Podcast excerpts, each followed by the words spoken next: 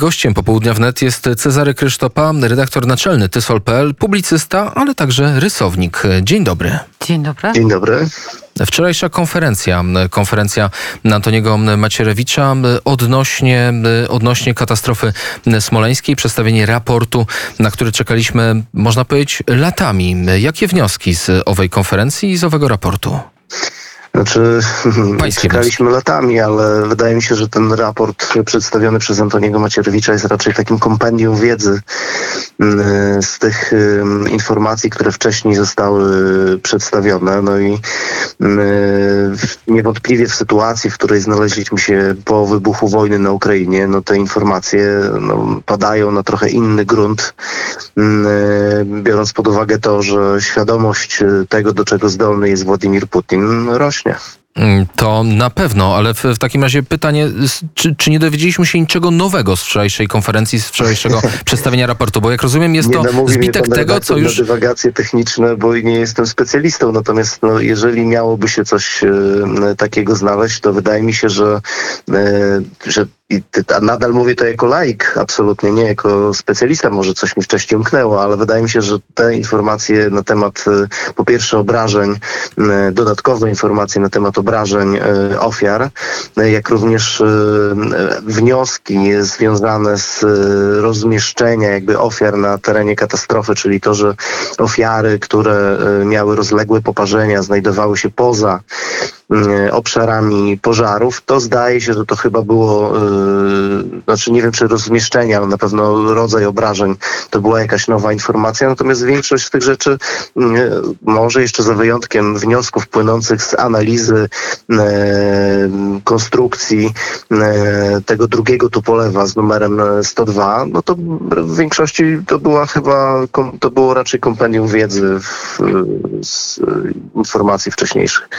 Katarzyna Adamiak, zajmujemy się oboje, oboje właściwie mówię tu o panu i e, o nas z Adrianem e, informacją. E, tymczasem raport ma kilka tysięcy stron. E, dzisiaj, e, wczoraj Tygodnik Polityka napisał zagmatwany raport podkomisji smoleńskiej, czego nie mówi Macierewicz. I tutaj dziennikarz, dziennikarz Tygodnika Polityka analizuje, analizuje to, co się pojawiło w raporcie.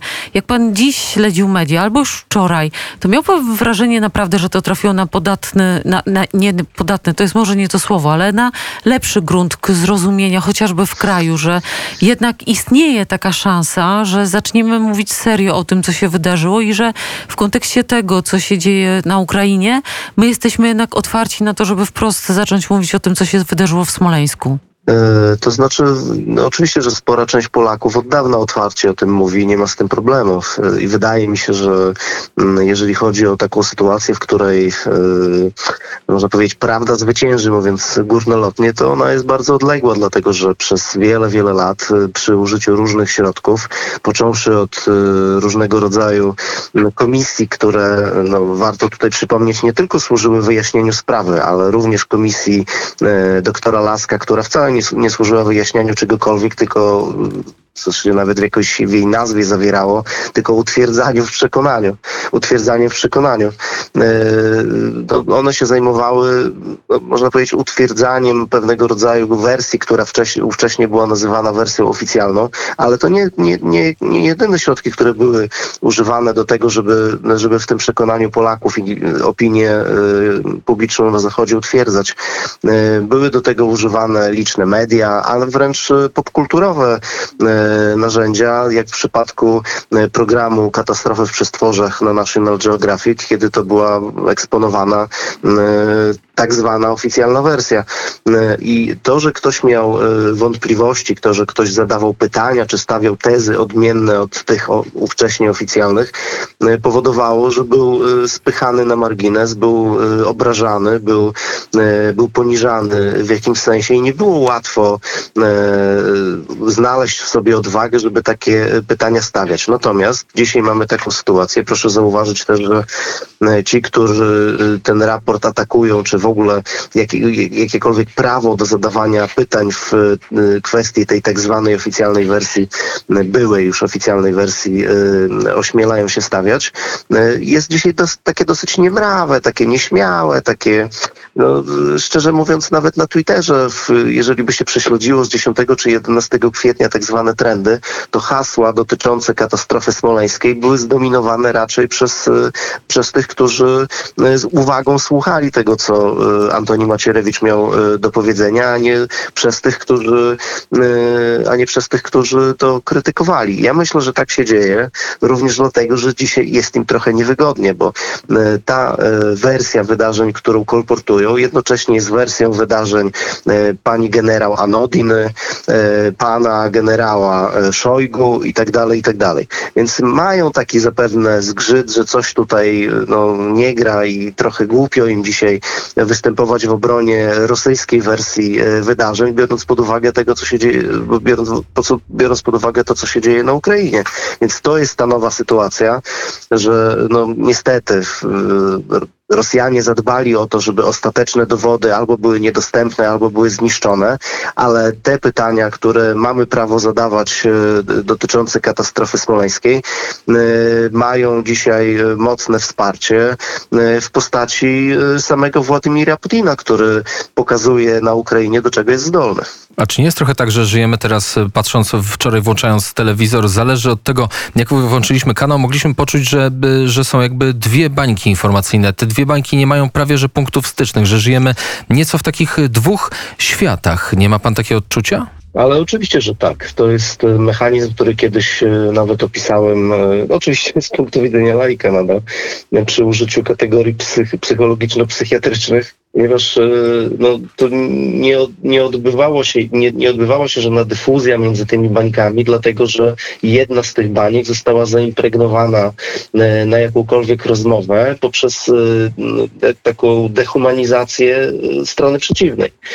I zdając sobie sprawę, że jakiekolwiek wyłamanie się z, mm, z tego takiego owczego pędu, e, nie wiem, Macierewicz zwariował, wszyscy, którzy zadają pytania są idiotami i tak dalej, i tak dalej, to wymagało potężnej odwagi po to, żeby się przeciwstawić swojemu środowisku, czasem własnej rodzinie i tak dalej, więc ta dyfuzja była słaba, ale proszę zauważyć również, że no, według różnego rodzaju badań, ja tutaj absolutnie nie jestem zwolennikiem tego, żeby ustalać prawdę w, przy pomocy sondaży, ale jednak wed- według różnego rodzaju badań z odsetek tych, którzy mają potężne wątpliwości co do y, tej tak zwanej byłej oficjalnej wersji wydarzeń, no raczej rośnie. W związku z czym pomimo problemów i pomimo, e, pomimo no, tej takiej impregnacji, ob, ob, impregnacji tych baniek, no y, jakaś tam dyfuzja występuje, a wydaje mi się, że takim katalizatorem tej dyfuzji jest właśnie to, co się dzieje na Ukrainie i dzisiaj e, również te państwa, czy może nie tyle państwa, co przedstawiciele, czy obywatele, mieszkańcy e, różnych państw, którzy byli głęboko przekonani również na podstawie przecież oficjalnych danych, które do nich docierały, że e, no, nie, ma, nie ma tutaj podstaw do, do żadnego kwestionowania, do żadnych pytań. Dzisiaj nabierają również wątpliwości. Takie odnoszę wrażenie. To w takim razie, czy ta wojna polsko-polska kiedyś się w ogóle skończy? Czy mamy jakieś e, rzeczy, które mogą nas e, połączyć, skoro wydaje się, że coraz więcej nas dzieli i do tego dążą również media, również politycy, jak pan wspomniał? E, No, są też rzeczy, które nas łączą, bo wydaje się, że e, na przykład pomoc Ukraińcom łączy ludzi e, z różnych baniek i to tutaj no zresztą w bardzo chwalebny sposób ci sami ludzie, którzy w innym przypadku i w innym kontekście skakaliby sobie oczu, no, do oczu, podają sobie paczki przez granicę i tak dalej. W związku z czym no, pewnie jakaś tam szansa jest, ale trzeba pamiętać o tym, że no, zadbano o to, żeby, hmm, jakby to powiedzieć, właśnie zaimpregnować dużą część Polaków na jakiekolwiek argumenty, choćby dotyczące ich własnego interesu. Spora część Polaków nie myśli interesem, interesem Polski, myśli interesem Brukseli, myśli interesem Berlina, no takich nauczono. Bardzo poważni ludzie w, w okularach z grubymi oprawkami wytłumaczyli im, że to wstyd jest dbać o polskie interesy.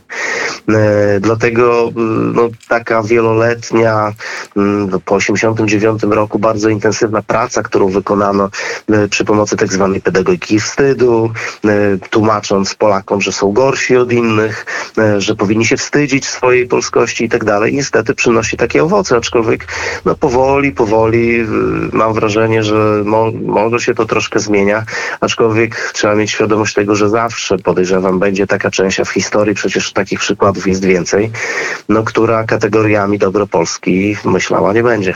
Powiedział Cezary Krysztopa, redaktor naczelny Tysol.pl, publicysta. Oro Wrona nie pokona. Chciałam tak sobie rzucić, myśląc o tym, co pan mówi. I gratuluję plakatu, bo widziałam wystawę w CSW. Pan jest autorem wspaniałego plakatu, naprawdę zachwycający. Dziękuję Jeśli państwo bardzo. nie widzieli, nieocenzurowana lata 80. opowieść o, o sztuce w stanie wojennym i późniejszych latach 80. Plakat, który reklamuje wystawę, jest autorem, autorem właśnie nasz wspaniały rozmówca. Dziękuję bardzo. Dziękujemy i do usłyszenia. A w, Do usłyszenia.